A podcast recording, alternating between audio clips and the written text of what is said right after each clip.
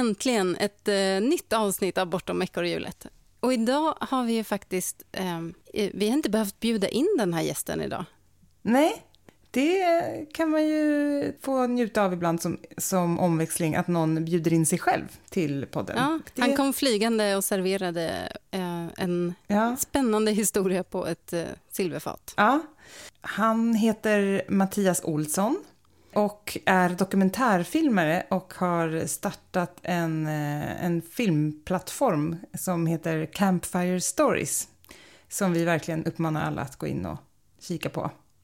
Ja, eh, jättekul att Mattias hörde av sig till oss och eh, ville berätta mer om eh, hur han har ställt om livet och satsat på att göra film med syftet att göra världen bättre. Vi tar och lyssnar på intervjun med Mattias så får ni höra själva vad det är han vill åstadkomma med sina filmer och eh, hur han har lagt om sitt liv. Ja, det gör vi.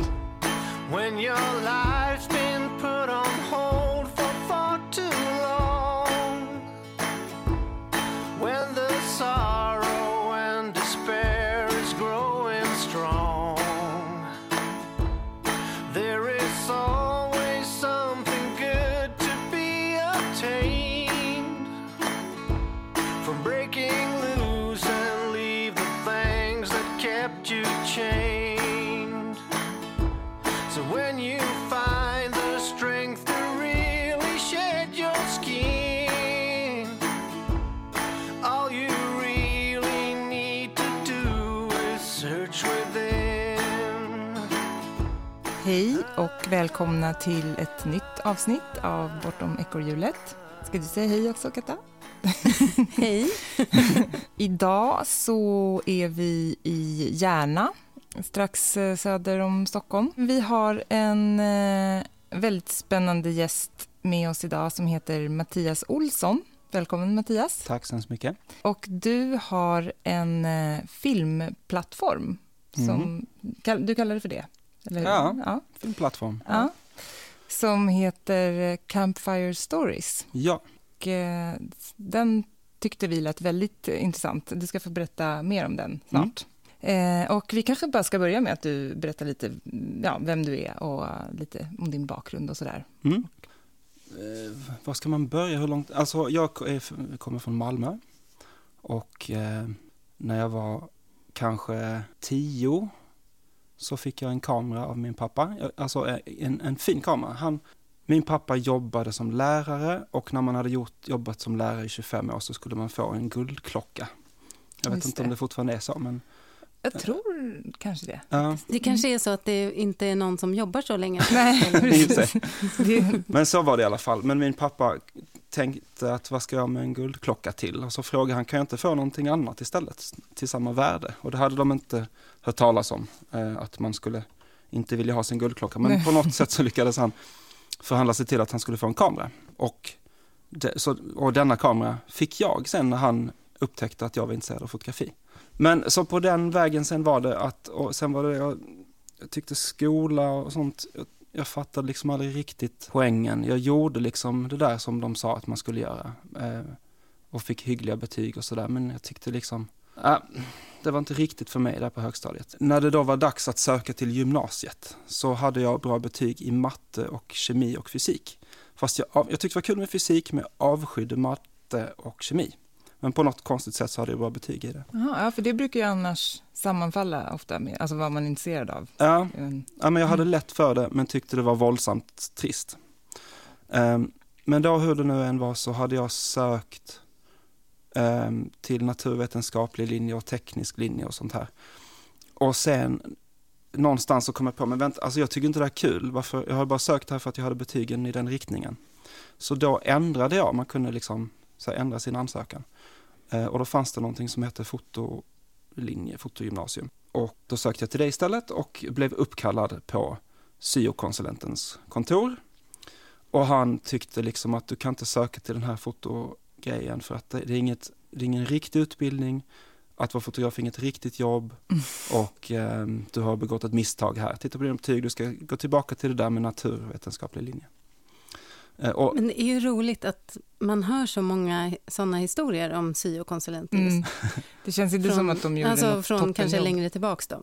han hette Reine och han var jättelång, väldigt lång eh, och, och ganska skräckinjagande, alltså hade en pondus. Alltså du vågade nästan inte trotsa honom då? Nej, men, när jag, jag, men jag kände, för han läxade upp mig ganska rejält. Eh, och någonstans under uppläxningen så blev jag nedtryckt och sen så var det som en glöd långt djupt inne som, som växte sig stark. Och jag bara kände att åh, det är någonting som håller på att ta över mig. Liksom.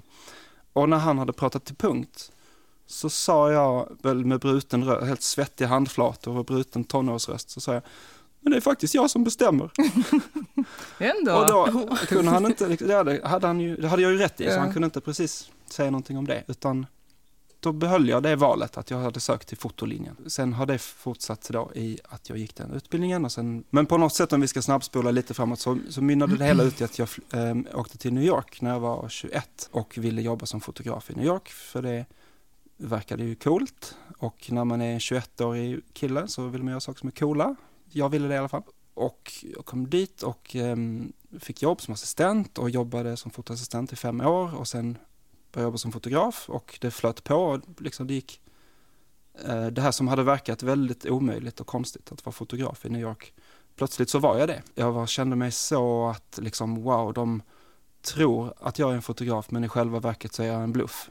Mm. Och den drivkraften har kanske många känner igen, men den, Ja. så den gjorde att jag jobbade, alltså jag höll ju på som en galning. Så det blev ju jättebra bilder såklart. För jag bara höll på och höll på och bara, ah, och kom tillbaka med hur mycket material som helst. Den tyckte jag var en jättebra fotograf. Shit vad han är produktiv. Mm. Så det kom igång så och sen fortsatte det så. Men, eh, för nu är du ju mer liksom, filmfotograf, väl? Eller är Ja. det stillbild också? Ehm, nej, utan precis, nu jobbar jag med film.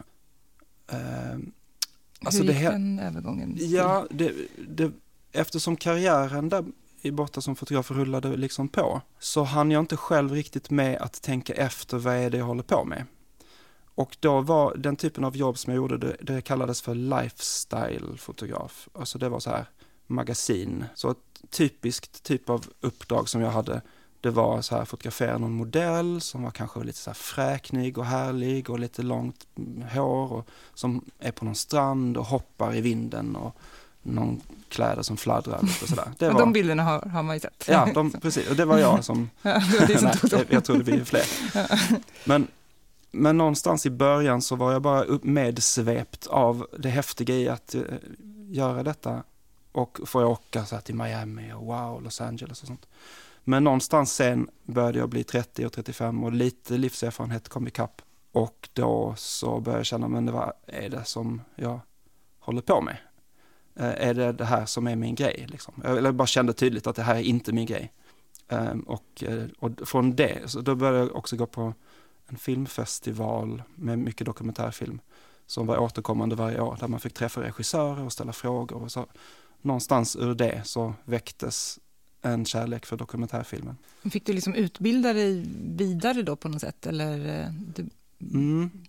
Då gick jag en, jag hade något konstigt självförtroende så jag trodde att jag kunde vara filmare bara för att jag var fotograf. Och så gick en kvällskurs i dokumentärfilmande, eller ja, vad det nu hette, the documentary process. Ehm, men någonstans under den utbildningens gång, eller den kvällskursens gång, så förstod jag att det är mycket mer komplext än vad jag trodde. Att jobba Mm. med film, att jobba med ljud och att berätta och att klippa och att tänka att tänka bild för stillbild är helt annorlunda än att tänka bild för film. Ehm, så då bestämde jag mig för att gå en riktig filmutbildning. Och i samband med det så bestämde jag mig också för att flytta tillbaka till Sverige. För det var, detta var eh, 2007 kom jag tillbaka till Sverige, så det hade varit en lång period av eh, George W. Bush och eh, The War on Terror och också det här 9-11 som jag blev ögonvittne till, det andra planet när det flög in oh, gud. drog igång jättemycket Åh, grejer och, och konstigheter. Och jag, plötsligt jag var färdig med det och jag bara kände jag vill till Sverige. Så då flyttade jag, då sökte jag in till en utbildning på en skola som heter Biskops-Arne som ligger Mm, lite utanför Stockholm. ja. Så där landade jag på en liten ö liksom, Mm. långt från New York. Kontrast. Det var, ja, det var så underbart. Men alltså, du måste nästan berätta lite mer om det här med 9-11. Och, alltså, Mm. vad, liksom, hur nära var du? Nej, jag var Vad inte... gör det med en att se något sånt, I- tänker jag. Ja. Um, alltså för det första, jag hade varit hemma i Sverige på semester och kom tillbaka dagen innan. Så jag hade liksom flugit dagen innan, vilket också fick det att Ja, kännas lite just extra det läskigt. Men det gjorde också att jag var morgonpigg, för att jag i vanliga fall så är inte jag uppe så tidigt på morgonen. Men med tidsskillnaden så var jag uppe tidigt och hade tvn på, på CNN. Och såg, när, plötsligt så avbröt de sändningarna och visade en bild att det är någonting vi vet inte, det verkar vara något plan som har, vi vet inte vad det är som har hänt men ja. Men då i alla fall, det gick upp på taket och jag bodde i Brooklyn, det var ju säkert tre kilometer därifrån eller någonting. Men det var klar sikt från mitt tak kunde man se väldigt tydligt och det var en väldigt, väldigt klar dag. Eh, så vi, jag stod där uppe och spekulerade och det kom upp lite andra som bodde i, i mitt hus och som stod och tittade och tänkte, för de hade sagt på CNN att det var något litet Cessna-plan eller något litet sportsplan. Men vi stod och tänkte, alltså det, där ser ut att ha varit något större, alltså det ser ut att brinna rätt rejält. Och medan vi står där så skulle jag precis lite skämtsamt säga, shit, där kommer något annat plan som flyger lite lågt och konstigt. Men jag hann inte säga Mm. det förrän jag insåg att det, vad som hade hänt. Och då, jag höll på att trilla baklänges, det var Ja. väldigt, ja det går inte att beskriva, väldigt obehagligt. Och min omedelbara känsla var att titta på, jag var övertygad om att det var en fullskalig attack. Jag tittade på FN-skrapan, Empire State Building, Chrysler Building. Jag tänkte nu kommer liksom en total attack. Så det var skönt att det inte var det i alla fall.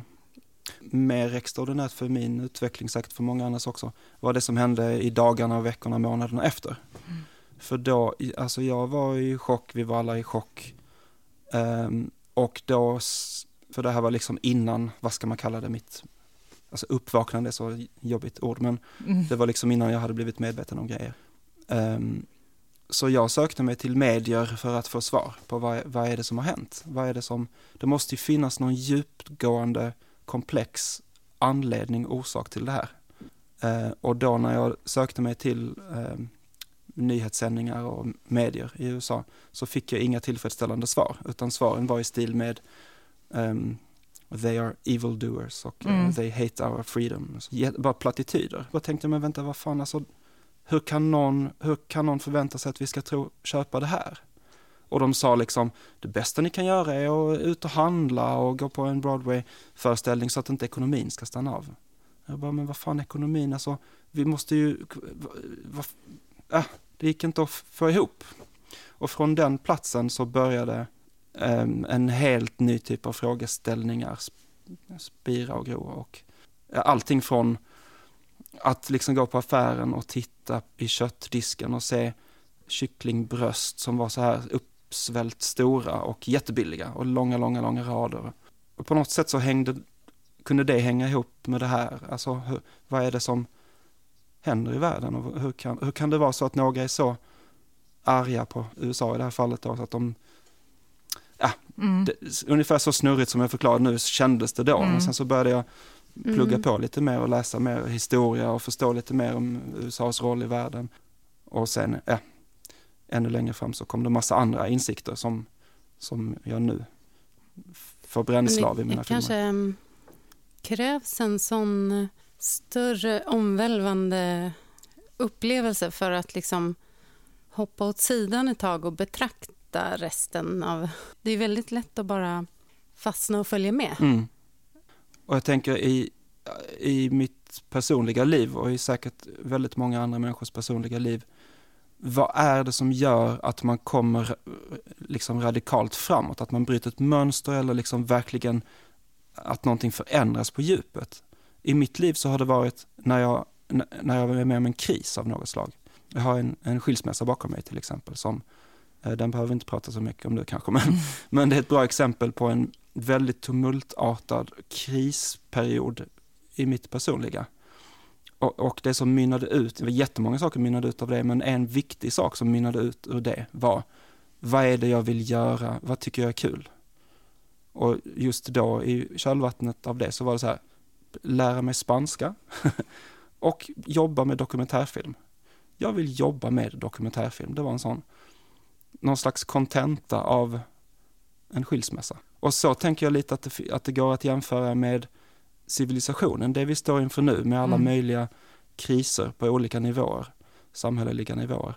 Vad är det som kommer få oss människor att komma till nästa nivå? Förmodligen de här kriserna som vi går igenom kommer inbjuda oss till en djupgående förändring. Vad känner, känner du att det ändå liksom, eh, finns hopp för att, att vi kommer att kunna vända och att det kommer att leda till att vi liksom gör någon slags omtag och eh, att helt andra värderingar får styra och eh, liksom att vi kommer verkligen göra en, en riktig samhällsomvälvning? Eller tror du att det är kört? Liksom? Um, alltså det är ju aldrig, det är aldrig för sent att rädda det som finns kvar att rädda. Och, men det är ju alltid för sent att rädda det som, de arterna som redan har dött ut. Det, det går ju inte. Um, men det finns väldigt, väldigt mycket kvar att rädda. Men jag tror att vi behöver tänka på det på ett annat sätt än just nu, om vi pratar om klimatet till exempel, så är det väldigt mycket polarisering i debatten. Att antingen så är man eh, klimatförnekare eller så är man klimatalarmist. Och, eh, och det finns liksom ingenting där mittemellan. Och vad jag menar med mitt, alltså jag menar att båda de ståndpunkterna, alltså att, att båda de sidorna kastar paj på varandra, distraherar från verkliga saker som vi behöver titta på, underliggande problem om Mm. hur vi ser på oss själva, hur vi, alltså hur vår kultur, den dominerande kulturen i världen ser på oss själva. Var kommer vi ifrån? Vart är vi på väg? Vad är viktigt i livet? Och där vi ser på oss själva som någon form av eh, separerade från varandra, separerade från naturen.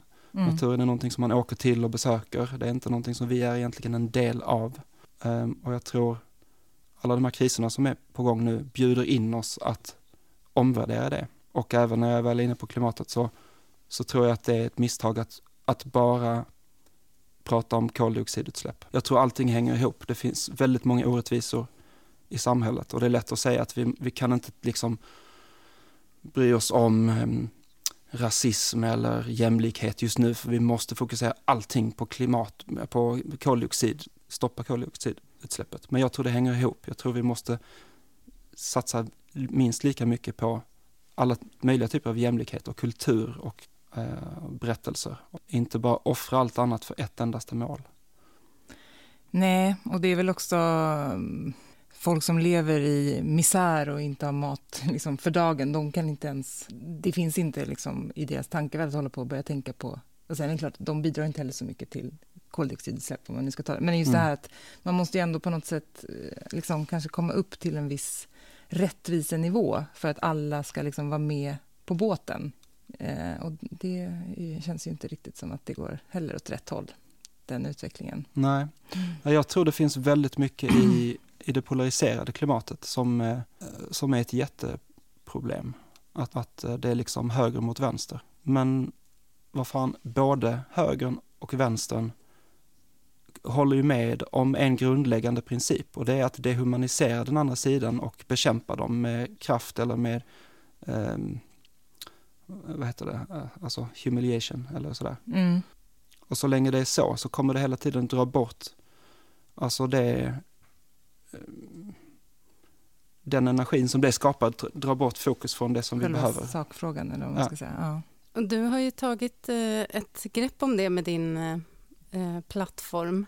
Det beskrivs ju så här, Campfire Stories är en plattform för film som har som målsättning att öka medvetenheten om de grundläggande orsakerna till våra globala problem. Du har ju tidigare jobbat med dokumentärfilm och så, men hur växte den här idén fram liksom, och vad fick dig att, att helt eh, dedikera dig till den?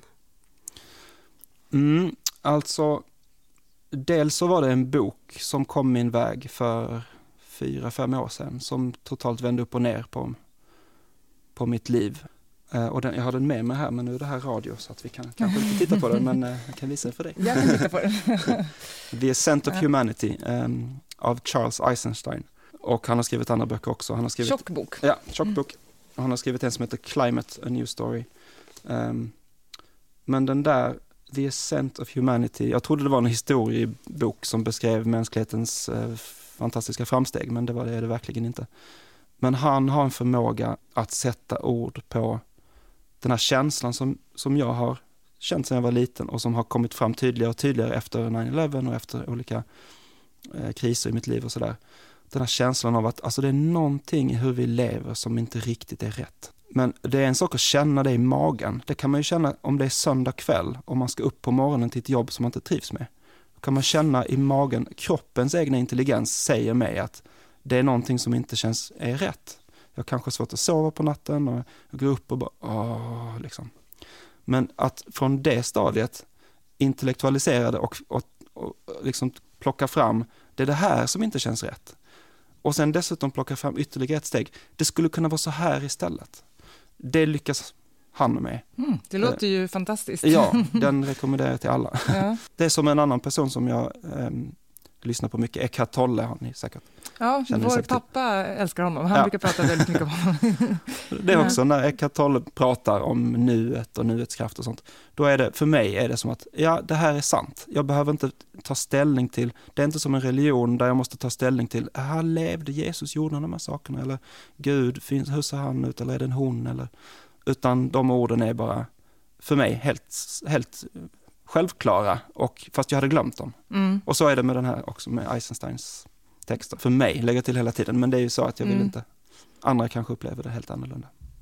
Men nu har jag glömt vad frågan var för ett tag sedan, men, mm. men den boken ställde till saker för mig och, och, fick mig att flytta hit till Järna och börja odla ja. grönsaker och lämna staden. Och ja. Är du liksom inne lite på självförsörjnings... Ja. Mm. Hur långt har du kommit med det då? Jag har kommit så långt så att min sambo skrattar åt mig för varje vår så dedikerar jag mer och mer areal av vår stackars tomt till odling. Och, och odlar liksom kilovis med chili som hon bara, men vi kan inte äta så mycket chili, det är jättestarkt Mattias, du får liksom lugna dig. Så jag har kommit dit. okay. Jag är entusiastisk och lär mig och eh, är jätteamatörmässig men det är superkul.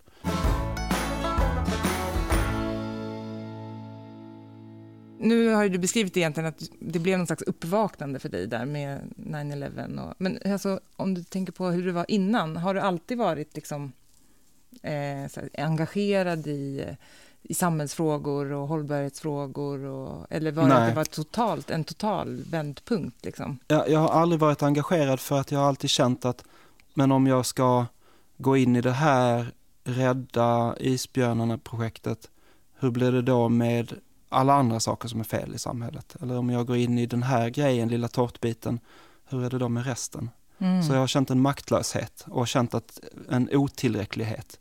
Och om jag skänker 200 kronor i månaden till Greenpeace, vad fan gör det för skillnad? Mm. Så där har jag känt. Ja, Medan, det, är, det är väldigt lätt att man ja, känner så. Medan nu så känner jag på ett helt annat sätt att jag, jag har haft väldigt eh, ett väldigt privilegierat liv och fått gå på alla möjliga utbildningar och växt upp i Sverige, en fri skola och jag åkte till New York och jobbat som assistent, fått lära mig om fotografi och på hög nivå alla möjliga grejer.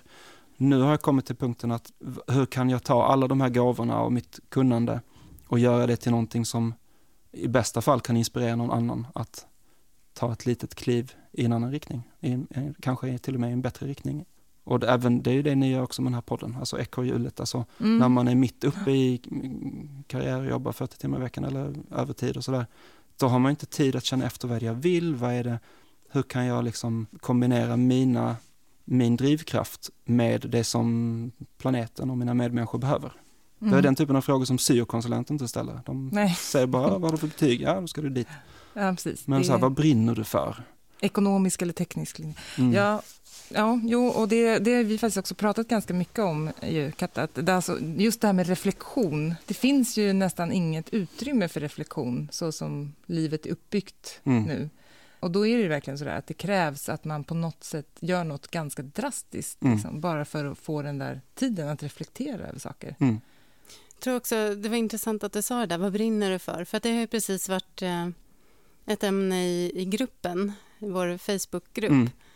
Men så här, ja, men hur, hur vet man vad man har för dröm eller vad man brinner för? Mm. Och, eh, den frågan är ganska intressant tycker jag, för det, det kan ju vara fler saker. Och så här, men hur, hur kom du fram till, till just den delen?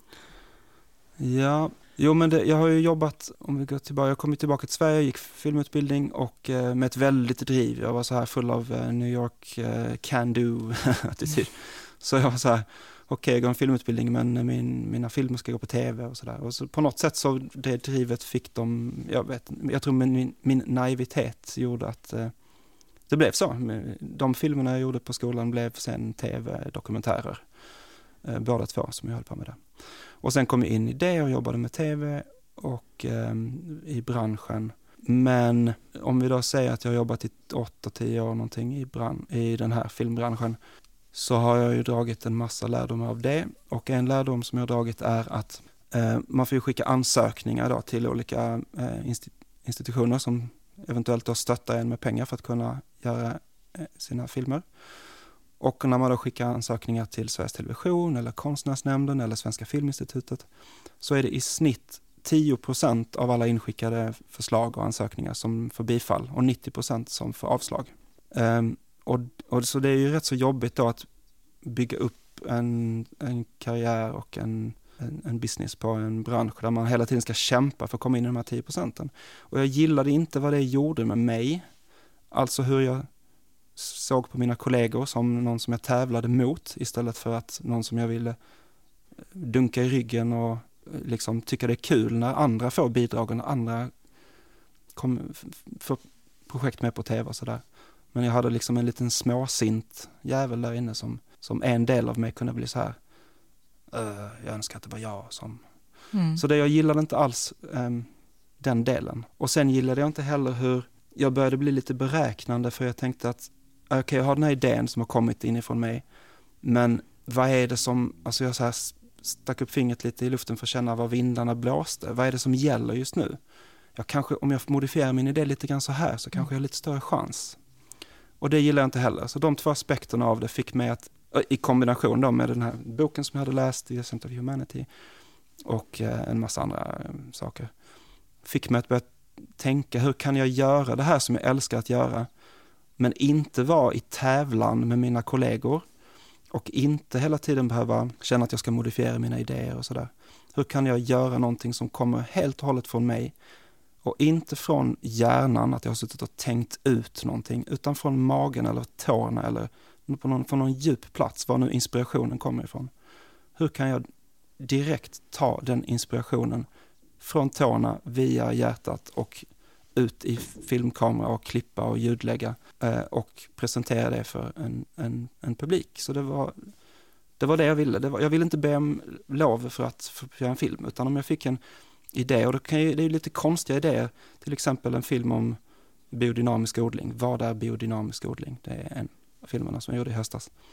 Um, jag tror inte liksom att SVT eller någon filmfestival är jätteintresserad av en 25, ja det är de kanske, jag vet inte. Nu men, kanske de är det, det känns som det är ju lite en sån trend nu. Eh, men, ja, men det var skönt att inte behöva be om ursäkt eller, eller mm. fråga någon, utan bara följa inspirationen, följa intuitionen och söka upp eh, ordföranden i biodynamiska föreningen och ställa frågor och liksom gå in i det mystiska i det. Vad är det som, jag har hört rykten liksom om att biodynamiker de gräver ner koskallar i åkern. I, det är verkligen det första ja, man tänker på. Ja.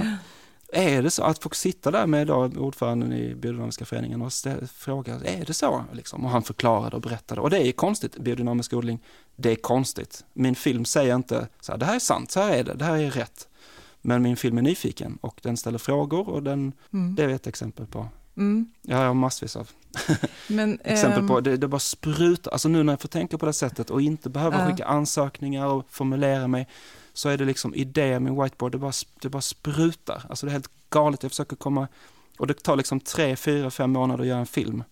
Jag försöker så här, hur kan jag jobba snabbare, hur kan jag, mm. utan att liksom tumma på det viktiga. Så det är inte Roy det Andersson? Det låter fantastiskt härligt. Mm. Men eh, för det jag funderade lite på är, eh, liksom, om man nu ska vara lite tråkig, så här, ekonomin och... För du har ju en um, finansieringsmodell där man liksom köper biljetter och bestämmer själv vad man vill betala för att se filmerna som ligger på din mm. eh, plattform där. Eh, funkar det? Liksom? Alltså, mm. Går det runt? Både och. Alltså det, det, det funkar mycket bättre än vad jag trodde. Mm. Eh, och det är väldigt viktigt för mig att det inte finns en betalvägg, utan att du kan se filmerna utan att betala. För att vad, hur vet jag någonting om din ekonomi? Alltså hur vet jag någonting om någon som är sugen på att kolla på den här filmen, om de är student eller vad vet jag, arbetssökande eller um, det är mycket roligare att de kollar på filmen då, och, men att de inte gör det för att de inte hade råd. Det är den ena grejen. Den andra grejen är att om jag nu säger ett pris, 30 kronor säger vi för att kolla på en film. Då, dels så har jag liksom satt ett pris på en produkt och sagt den är värd 30 kronor, men den är ju värd mycket mer. Shit, jag jobbar jag känner, lägger hela mitt själ i den här, den är ju värd oändligt mycket mer. Samtidigt, om det är någon tittare som inte hade råd med 30 kronor så är den ju, då är det prislappen oändligt för hög. Och då, så det är viktigt att den som har lust att köpa en biljett för 500 spänn för att de vill stötta det de tycker är en bra grej, varsågoda. Och de som vill köpa en biljett för 0 kronor för att de antingen är för lata för att gå och hämta kreditkortet, ja det är, så är jag också, så det känner jag igen mig i. Eller om de inte hade råd så är det, det är liksom en del av helhetstänket. Att det är inte, jag försöker inte, det, det här ska inte bli någonting stort som ska konkurrera ut Netflix eller Viaplay eller något, utan det här är en liten plattform. Ja, den får bli hur stor den vill bli liksom, men det går inte ut på att någon ska tjäna massa pengar eller det går inte ut på spekulering eller, alltså det, ja, det går ut eventuellt på att jag ska kunna köpa fröer och jord och sånt till mina odlingar och kunna göra filmerna och ja. kunna anlita. Du kan leva på det delvis eller helt eller hur? Det är ju rätt så nystartad, alltså jag har varit igång i två år, ett och ett halvt år. Så att jag kan just nu inte, inte leva helt på det. Men eh, jag tänker att om det fortsätter, det verkar ju populärt, folk gillar att gå in och kolla, så att om det fortsätter så så tror jag att inom två år så tror jag kan leva på det helt. Mm. Jag brukar säga, nu jobbar jag, det är 100% av mitt jobb, eh, men ungefär 20% av min försörjning. Aha, okay. Och sen jobbar jag liksom mer än 100%, lite sidoprojekt här och där för att få in lite extra för att kunna gå runt. Mm. Men jag tror, jag tror verkligen på modellen och, eh, och jag tror den kommer ganska snart kunna supporta min lilla verksamhet. Och sen har jag feta planer om det blir för det gäller ju att vara förberedd på enorm framgång och det gäller att vara förberedd på enorm, enorm ingentinghet. Liksom. Eh, och enorm ingentinghet är helt okej, okay, eh, även lite trist, men så kan det vara. Mm. Men blir det enorm framgång och det kommer in massa pengar, då tänker jag starta en fond så att jag kan vara som Svenska Filminstitutet, mm. dit folk kan söka med filmer på vissa teman och så kan jag säga, här är 100 000 för att göra den filmen. Så då blir det som en filmfond. Mm. Alltså det här är ju, det är den där lilla 13-åriga i New York som sitter kvar, att man sa think big. Men varför inte? Alltså det gäller ju att vara beredd på om det blir. Ja, det låter som en jättebra, också den, den snälla filmfonden. Ja, precis. Okritiska filmfonden. Vi som vill förändra grundläggande värderingar som får mänskligheten att bli lite schysstare mot varandra och eh, mot djur och natur. Ja, det tycker jag låter som väldigt bra och eh, helt rimlig målsättning faktiskt. Mm.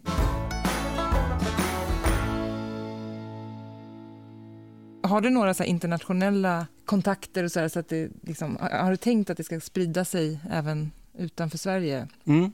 Um, precis, det är ju, just nu är det mest mina filmer, men tanken är att det ska vara i framtiden en, uh, ett community av film, internationella filmare som har liknande värderingar. Uh, och också kanske skönt, för just nu om man följer sajten så kommer det en ny film kanske varannan månad. Så det är lite skönt i framtiden om vi är många som gör film så att det kanske kommer en ny film varje vecka. Mm, just det. Så det blir lite mer som Netflix? Ja, lite mer som Netflix. Och, men redan nu så har jag tagit små steg. I höstas så släppte jag den första kortfilmen av en regissör som inte var jag. En jättefin film som heter eh, Seven O'Clock. Och nu precis faktiskt för ett par veckor sedan så släppte jag den andra filmen, en långfilm av en regissör som inte är jag.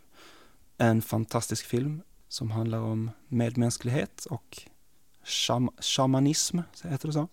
Ja. Det är en sch shaman som är med och eh, hjälper till att, det, det, är så här, det handlar om en kvinna, Tanja, och hon har en vän som heter Thomas och Thomas är djupt nere i eh, drogberoende och depression. Så hon försöker hjälpa honom ur det här och det är inte så lätt. Ja, så det är liksom första steget mot att bredda, bredda verksamheten eller vad man ska säga. Ja. Mm.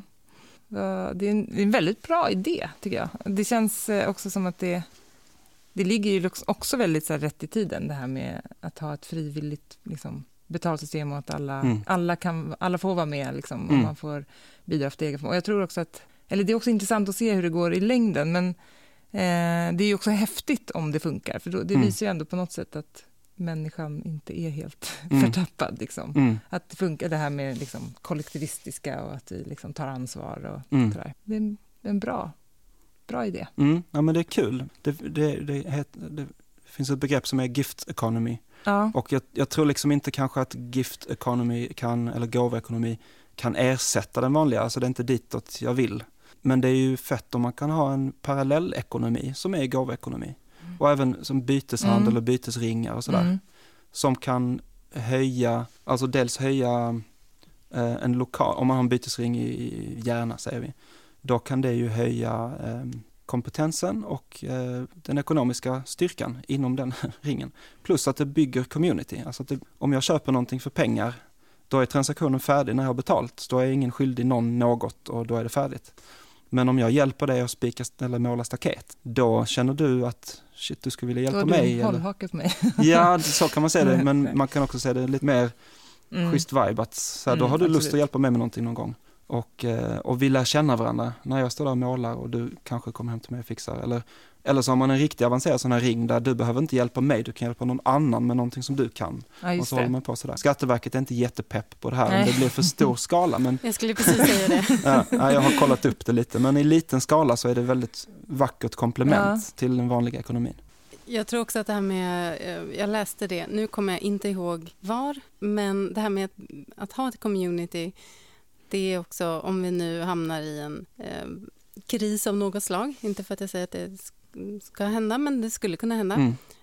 Eh, att det- är det som krävs för att vi ska klara oss allihop. Ja. Det är liksom ingen som klarar sig själv genom en, en påfrestning. Jag tror att man, eh, man behöver den gemenskapen för att ta sig igenom svåra tider. Mm. Det, och det tycker jag att jag har märkt sen jag flyttade från storstad ut på landet. Så där finns det ju redan till ganska stor del Mm. den här man hjälper varandra, man ställer upp, man vet vem man kan ringa om man har problem. Ja. Det är faktiskt det är en väldig trygghet, Ja. tycker jag. Mm. Ja, och det ligger mycket närmare till hands också. Alltså, jag tänker som uppe i Särna, där det är, vad det nu är, 800 000 invånare kanske. Eh, Inte 800 000. nej, men utan- 800 till 1000. nej, det är inte, verkligen inte 800 000. Förtydliga. Nej, men just det här att eh, där vet man ju precis liksom, vem man kan fråga och det, Mm. är, det är mycket enklare att bara svänga in på någons gårdsplan och, och knacka på liksom, Mm. än vad det skulle vara för mig i, i Älvsjö, där jag bor Mm. nu. Att liksom, det, det är ett mycket större, och det känns också som att eh, jag vet inte, man har någon spärr där, att det känns som att man besvärar folk. Mm. Liksom. Tänker du också att den här, eh, att din eh, filmcommunity, eller Mhm. Campfire Stories då, ska det också vara en, eh, en plattform för er filmskapare att, att ha det här utbytet eller bygga gemenskapen? Du, det var en idé som jag hade väldigt länge, som jag inte har tänkt på på ett tag, så tack för påminnelsen. Mm. För det skulle Jaha, vara, ja precis, det skulle vara en login när man är filmarbetare. Så skulle man logga in och så skulle man kunna byta. Men jag tror det fallerade lite på att jag kollade upp med Skatteverket och sådär. Så att jag Mhm. tror, om man, om man organiserar det och det blir lite för stort, då, eh, alltså jag pallar inte ha, ha liksom trubbel från, eller sådär, att vara på gränsen där liksom, Nej. utan det faller också lite på att det, det, alltså bytesringar funkar ju bäst lokalt. Som man säger, alla alltså filmer i Malmö till exempel skulle kunna gå, gå samman och ha en sån. Eller alla filmer i Järna. Jag vet inte, jag tror det, det, det är en bra idé men det kanske kommer så småningom. Jag, jag tänkte också på, nu har du berättat lite om att du, du har eh, liksom valt att flytta hit och du eh, odlar mycket själv och jag antar att du kanske inte konsumerar lika mycket som du har gjort förut och sådär heller. Hur stor omställning har du själv gjort liksom, i ditt liv? Om man tänker, för vi pratade ju om i ett annat avsnitt också det här med att vi har det här enorma liksom, konsumtionssamhället och att det är liksom tillväxten som hela tiden, vi måste ha tillväxt. Liksom. Det, det är verkligen som en, eh, en sån här, en given sanning på något sätt. Mm. Eh, och i det följer ju det här med att vi ska konsumera hela tiden. Och nu så börjar ju folk på allvar faktiskt ifrågasätta det, känns det som. Att det sprider sig bredare och bredare hela tiden. Men eh, då när, man, när det väl kommer till kritan sen, när man faktiskt ska göra de här omställningarna, Mm. så är ju inte det helt enkelt. Nej. Eh, nu blev det lite rörigt, men det jag ville fråga var, känner du själv att du har liksom, ja, lyckats ställa om ditt liv? Nej, men eh, jag, jag, jag tar små steg och jag har börjat ifrågasätta mig själv lite mer. Jag är väldigt duktig på att se när mina barn gör grejer som jag tycker är dumt eller de köper plastiga skitgrejer och sådär. Men jag har mycket svårare att själv se på mig själv när jag köper någon ny pryl som ska vara till mitt filmande. För då har jag alltid ursäkten att men det här är ett verktyg, det är ett redskap som jag behöver. Och det kan vara en bra ursäkt, eller till och med kan vara sant. Men det finns också en del av mig som går igång på att köpa en ny kamera eller köpa en ny pryl. Och att Vi känner igen det. Ja. Mm. Och att känna efter, liksom, är det, behöv, alltså, på vilken nivå behöver jag det här? Eller funkar det inte min gamla kamera eller vad är grejen? Liksom? Så där har jag blivit, tror jag, lite bättre i alla fall på att eh, försöka tillämpa ungefär samma strategi som jag när jag säger till mina barn. Att nej, vi tänker inte köpa någon, vad det nu är för någonting till dig, för att det är onödigt på grund av de här, de här orsakerna. Så försöker jag vara lite sträng mot mig själv också. Jag tror jag liksom, jag gör mitt bästa och försöker hålla saker på en rimlig nivå. Och jag har typ slutat köpa kläder, men det är mest för att jag tycker det är fruktansvärt tråkigt att köpa kläder. Mm, Det är samma här kan jag säga. Jag har liksom fått någon slags fobi för att, Mm. jag orkar inte, det är för jobbigt. Och så har jag lärt mig Mm. sy lite, så när det går hål på knäna på jeansen så kan jag så sätta mig och sy dem och så känner jag mig väldigt eh, duktig och sådär som förr i tiden. Jag sitter och syr liksom. Ja. Tänder ett stearinljus och syr mina håliga byxor. Det är en väldig tillfredsställelse. Ja, ja, men det är ju det är jättebra. Det är ju Mm. precis det man ska göra. Mm. Men jag tänkte fråga lite vidare om det här med, alltså, ser du den här eh, trenden eh, och tror du att den verkligen är liksom en, en folkrörelse? Att vi är på väg mot att på riktigt liksom vakna upp och ställa om? Eller är det liksom... Eh, för vi är väl lite i samma kategori egentligen, alltså Mm. lite så här bortskämda hipsters som på något sätt har råd att unna oss att tänka de här banorna. Liksom. Ja, alltså jag fick en tanke för ett tag sedan som var, som var väldigt häftig att ha. Och jag vet inte hur sann den den kändes väldigt sann när den kom. Och det var att, alltså om vi blir tillsagda att ni, man borde göra det här eller med pekpinnar och sådär och ni borde inte flyga till Thailand och ajabaja och sådär. Så känns det inte så kul, men så kände jag att det finns en annan sorts revolution som sker inte genom yttre påtryckningar utan som kommer inifrån som kanske är en idé som kommer, jag vet inte var den idén kommer ifrån, men plötsligt så kanske jag känner så här, men jag, jag kanske inte ska äta kött sju dagar i veckan, till exempel, det kan vara en idé. Som man, och den kanske kommer ur samhället, man snappar upp på olika sätt, men, men det är inte som någon har sagt till mig, du får inte, nu är det ett dåligt exempel för jag äter kött enormt sällan, men andra grejer liksom. Jag är på väg nu att fundera på att eh, inte ha bil längre och börja cykla till jobbet sådär. Det är ju ingen som har sagt till mig att jag ska göra det, utan det kommer ju någonstans ifrån. Och då känner jag att, att det känns hoppfullt att det är, om det är den typen av revolution där folk får idéer som kommer inifrån, som innebär en omställning och folk plötsligt har lust att bo mindre och odla. Alltså det känns ju som att det är en sån trend i samhället. Och så länge det vi inte blir tillsagda, nu måste du flytta till landet och måste du köpa en elcykel, eller måste du... Alltså kom, när det kommer inifrån så är det ju på ett helt annat sätt. Då är det ju en process som har varit igenom som kanske har börjat någonstans om man läste någon artikel, om man läste någon bok och så någon film. Och där tror jag att berättare av olika slag har viktigt jobb, inklusive jag själv förhoppningsvis, i, i de eh, berättelserna som eh, kommer fram genom min plattform.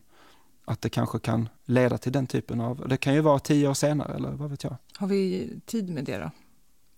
Alltså, Jag vet inte, men eh, det, Jag kan tänka mig att en kombination av eh, eh, nudging, som det brukar kallas, men beteendepåverkan, att, det, att det, det får belöningar för rätt beteende eh, och en hel del lagstiftning som faktiskt begränsar vad vi mm, kan och får göra. Men också de här berättelserna som du pratar om som får oss att verkligen förstå varför också. Jag tror att när det landar, då, då känns det ju helt plötsligt fel att göra någonting som gör så mycket skada. Liksom. Mm. Ehm, Ja, det är ju en helt annan grej. Alltså när det kommer inifrån och man bara känner, fy fan vad kul det är att odla. Jag odlar inte för att, för att det påverkar klimatet på ett positivt sätt. Fast det kanske påverkar klimatet på ett positivt sätt. Och, eller liksom, fan vad kul det är att, eh, att sitta här vid mitt stearinljus och sy mina brallor. Alltså det, är det kul är kanske fel ord där, men att det känns bra Mm, från mm. inifrån. meningsfullt. mm. Ja. Det är ju bara frågan om eh, ja, det där med så här, kommer, kommer tillräckligt många eh, nå dit. Liksom. Det, det, Men jag tror det är fel ställd Mm. fråga på något sätt. Eller det är en, det är en intressant fråga. Ja, Men jag tror en, en mer intressant fråga är hur vill jag ställa om mitt liv? Mm. Vad vill jag göra? För annars är det bara en, en frustration att spekulera om andras beteende och det leder direkt till att här, tycka om andras beteende. Ehm, mycket roligare att känna, hur kan jag göra någonting? Vad ligger näst? Inte göra någonting som är jätteradikalt. Men vad är ett steg i en riktning som känns rätt? Vad är ett steg i en riktning som gör att jag på söndagskvällen känner glädje för att jag ska gå till det här projektet på måndag morgon, det här jobbet eller det här. Eh, I mitt fall, jag ska, jag ska klippa en film som handlar om kommunikation med naturen imorgon. Fy fan vad kul, kan jag inte tänka mig något roligare? Fy, sån lycka! Och då kan jag sova gott och vakna och gå upp och vissla. mm. Alltså det tycker jag är en omställning som man kan teoretisera den och känna hur kan vi göra så att många ska göra så att vi ska inte dö allihopa. Men jag pallar inte ha den blicken på världen. Nej. Även om, Ja, Det är då man blir lamslagen. ju. ja, alltså jag bara känner så här, jag vill må bra. Jag vill må bra. När jag mår bra så kan jag göra bra grejer. Och jag mår skit när jag lyssnar för mycket på nyheterna, när jag lyssnar på radion och tar in och läser och tar in och känner mig ö och kollar och klimat och det här och det går åt helvete. mm. Och kanske, jag vet inte om det är så att det ansvarsfulla skulle vara att ta in alla de sakerna och må skit över det. Men jag pallar inte göra så, för då, jag vet att då blir jag deprimerad, jag blir handlingsförlamad, jag kan inte bidra med någonting. Jag kan inte liksom möta mina barn på morgonen med ett leende på läpparna. Jag kan inte, alltså vad är det för poäng då med någonting? Så, och jag säger inte att det är så som jag säger eh, är rätt, men det här är, så, så känner jag, det känns rätt för mig. Jag vill må bra och jag vill bidra med någonting som, som är, känns positivt för, ja man kan börja hemma, positivt för mina barn, positivt för min sambo, komma till kontoret, positivt för mina kollegor och så ringa på vattnet utåt förhoppningsvis. Eh, men för jag har funderat ganska mycket på det där med... Jag liksom pendlar mellan den inställningen och den här inställningen att herregud, vi måste ju bara allihopa på en gång, liksom, vi måste förbjuda flygplan. Alltså, du vet det där att man känner att så här, det kommer inte hjälpa att vi nu är, vad vi nu kan vara, så här, 500 000 som har vaknat upp och kanske börjar ställa om och försöka, ja du vet liksom. Mm. Eh, när man sen tänker på hela, så här, hela världen.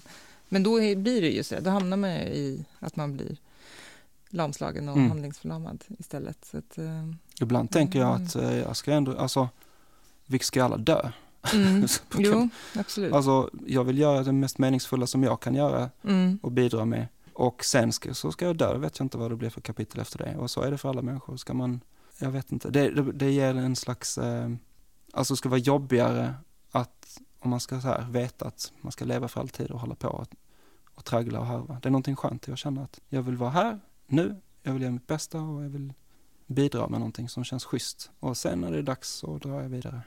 mm, Och det är inte så kul då om man drar vidare och så har man lämnat Nej, en soppa till nästa generation. Men, eh, om man är Donald Trump som drar vidare så... Ja, men Donald Trump det är också, han är ju bara ett symptom av någonting mycket djupare. Så folk är så arga på Donald Trump. Alltså, vad är det för faktorer som har gjort att en sån typ av person kan röstas fram? Vad är det för faktorer som har gjort att vi har högervindar i Europa och i Sverige? Och vad ligger bakom det? Vad är det för typ av samhälle med människor som har ont i magen på söndagen och som längtar efter fredagen? Mm, Vad är det för samhälle där biblioteken inte, alltså har öppet mellan 11 och 2? Vad är det för samhälle där liksom lärare får jättedålig lön? De viktigaste personerna, dagispersonal och lärare, möjligen läkare och brandpersonal också är viktiga, men de viktigaste och sjuk, undersköterskor och sjuksköterskor får jättedålig lön, jättelite uppskattning, bara jobba, jobba, jobba, jobba. Vad är det för samhälle där vi har, jag vet inte vad det är för procent av befolkningen som går på antidepressiv medicin. Vad är det för vad ligger till grunden för alla Mm. de här sakerna? Om vi inte börjar prata om det och så ska vi börja prata om att Trump är dum. Det är ju bara löjligt, alltså vi måste ta diskussionen på en lite djupare nivå känner jag. Ja, men eh, och det var väl det du, för det tänkte jag också det här som du skrev att eh, vi ska börja titta på liksom the root causes. Alltså, Mm. vad, men har du något svar på, vad är det de, då, de här grundläggande orsakerna till? jag tror, mitt svar är lite, det är ju det som den här boken som jag pratade om innan formulerade så himla fint. Ehm, och det är när man tittar på den mest fundamentala underliggande, eh, man kan nästan kalla det mytologin som väver samman oss människor i den här kulturen som vi lever i. Alltså frågor som var kommer vi ifrån? Vart är vi på väg? Vad har vi för syfte på den här planeten? Så har vi åtminstone i de senaste 500 åren, sedan Isaac Newton åtminstone, då vi började gå in i en mycket mer, um, så här vi kan väga och mäta saker och allting går att förklara och universum är som en komplicerad maskin som består av olika beståndsdelar och som susar runt. Den bilden av oss själva säger oss att vi är fundamentalt separata från varandra. Du och jag är två fundamentalt separata människor och om jag tar tusen spänn från dig så, är jag, så har jag mer och du har mindre. Det, eh, eller om jag kräver av marken att den ska producera viss mängd morötter och jag gör det genom att döda alla insekter som skulle ätit upp de morötterna eller sätta upp staket mot rådjuren. Och så, men alltså det har funnits tidigare i mänsklighetens historia så har det funnits andra sätt att se på det. Där, eh, där folk tycker det är självklart att, att berget och floden och luften också är, inte personer, men i liv, mm. lever, levande. Mm varelser, att jorden är full av levande varelser, träden eh, och djuren och fåglarna och sådär. Och att vi är en del av ett, ett ekosystem där det vi gör påverkar allting annat. Och om vi slänger plast i havet så, så, är, så, att, så, så påverkar det allting, inklusive oss själva. Det är ett äh, ändrat förhållningssätt. Ja, och det finns... Till det, det, vår plats. Och... Ja, det finns ju kvar. Fort, alltså, innan, alltså när vi var jägare och samlare då, för 10 000 år sedan typ, då eh, enligt vad man har kunnat få fram så var det självklart att alla tänkte så. Det kanske inte är så lätt att veta exakt vad man tänkte då, men, men det som man förstår, om man tittar på jägare och samlarsamhällen som finns kvar, de få spillrorna som finns kvar, så är, är det tankesättet bevarat. Och det har man ju tyckt var gulligt och, och klappat på huvudet. Lite exotiskt. Och, ja, exot, ja, precis. Mm. Men nu bör man tycka det är, eller jag börjar i alla fall mm. eh, tänka att vad är det som säger att vi har rätt och de har fel? Om man mm. tittar på vad vi har åstadkommit de senaste 10 000 åren så har vi åstadkommit massa fantastiska grejer men vi har också åstadkommit att vi står här på, på randen till vår egen mm. kollaps. Och det har, alltså människan i den biologiska mening som vi ser människan idag har ju funnits i åtminstone 200 000 år. Så man kan säga att i 190 000, och innan det andra mm. varianter av människan. Men om vi säger den anatomiskt moderna människan så har klarat sig utan att förstöra planeten i 190 000 år och sen på 10 000 år så har det gått åt skogen. Så vi kanske har någonting att lära från liksom det som lite sådär, som kallas förhistorien, det som inte ens för liksom det är historien och så förhistorien. Men det vi kanske har någonting att lära därifrån. Jag förklarar inte alls så bra som Charles Eisenstein i sina böcker, men det var någon slags försök att summera hans tankar som har landat väldigt väl hos mig och som gör att jag känner att min lycka går inte att separera från min grannes lycka. Jag kan inte sätta upp eh, taggtråd runt mitt hus och gå runt där inne och ha swimmingpool och betjänt och massa mat från hela världen. Och om min granne har ingenting och är fattig, då kan jag bara, det, det är en, en ytlig så kallad lycka inom citationstecken, men för att känna djup tillfredsställande lycka så måste min granne må bra så måste, så måste jag ingå i ett, eh, vad heter det, alltså ett commun, vad finns, finns det för svenskt ord för community? Sammanhang. Ja, ett sammanhang, ja. ja. Precis, där jag känner människorna som producerar min mat, där jag känner människorna som syr mina kläder, där jag byter tjänster med folk. Där jag liksom ingår i att inte bara köpa mat som är specialproducerad eh, tusentals mil bort som har flugits in och eh, köpa kläder från klädföretag som är sydda i sweatshops någonstans på andra mm. sidan jorden. Det känns som att den, den här liksom, eh, civilisationskritiken, det är ju som att det börjar komma till någon slags så här, vändpunkt. Liksom, så sakteliga. Men, liksom. men jag tror det, det som vi får liksom bli matade med är att eh, det här är ett globalt problem.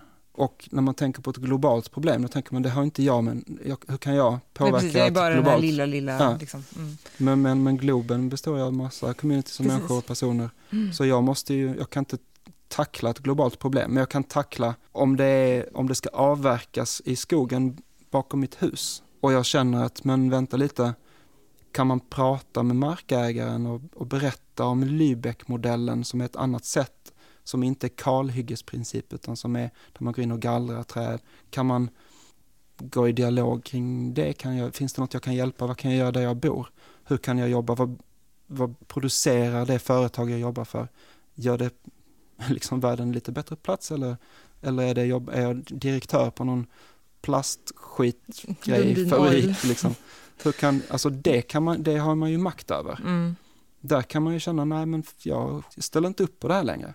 Då får jag väl sälja och inte ha två bilar och inte bo så här stort utan för skala ner allting så jag kan jobba med det här som jag brinner för som kanske inte ger lika mycket betalt men skitsamma vad ska man med pengar till om vad är det de säger midnight oil uh, how can we uh, sleep bed, when our beds, beds are burning, burning.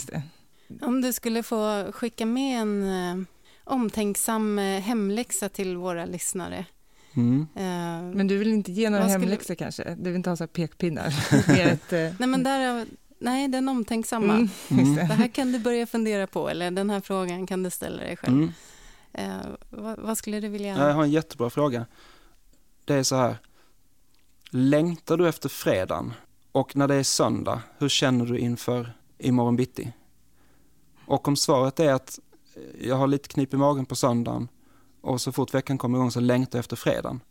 Fundera då på vad du jobbar med eller vad du spenderar din tid med och fundera på om det finns något annat vad skulle, vad skulle få mig att med glädje tillbringa min söndag eftermiddag och söndag kväll och somna gott och vakna visslande på måndag morgon. Och om man inte kan komma på exakt, alltså finns det ett, ett steg man kan ta i den riktningen? För återigen, det kan bli väldigt galet, alltså att göra en radikal förändring, att så här storma in och säga upp sig och nu ska jag göra någonting radikalt. Det kanske, event, event, det kanske är rätt, det kanske är, gud vad skönt, kanske är jätterätt. Men eller så är det inte riktigt rätt. Och då kan man tänka, okej, okay, finns det ett steg i riktningen mot att inte längta efter fredagen så fort veckan har kommit igång och inte ha knip i magen på söndagskvällen. Ja, Mattias. Eh, det är faktiskt inte alla gäster som bjuder på hemgjord kombucha, så det var en liten bonus med eh, den här inspelningen också. Den fick ju bara jag smaka på då tyvärr för dig. Alltså jag missar så mycket när jag inte är med. Jag får bara sitta och titta på dig när du fikar. Ja, runt. jag vet. Du får ta och masa dig ner hit, tillbaka till ja, får... civiliserade trakter helt enkelt. Jag får ta och göra det. här, här blir det inget fika. Tack för att ni har lyssnat på ännu ett avsnitt av Bortom ekorrhjulet. Och Johanna, visst kan man väl gå in och lufta sina nya insikter någonstans?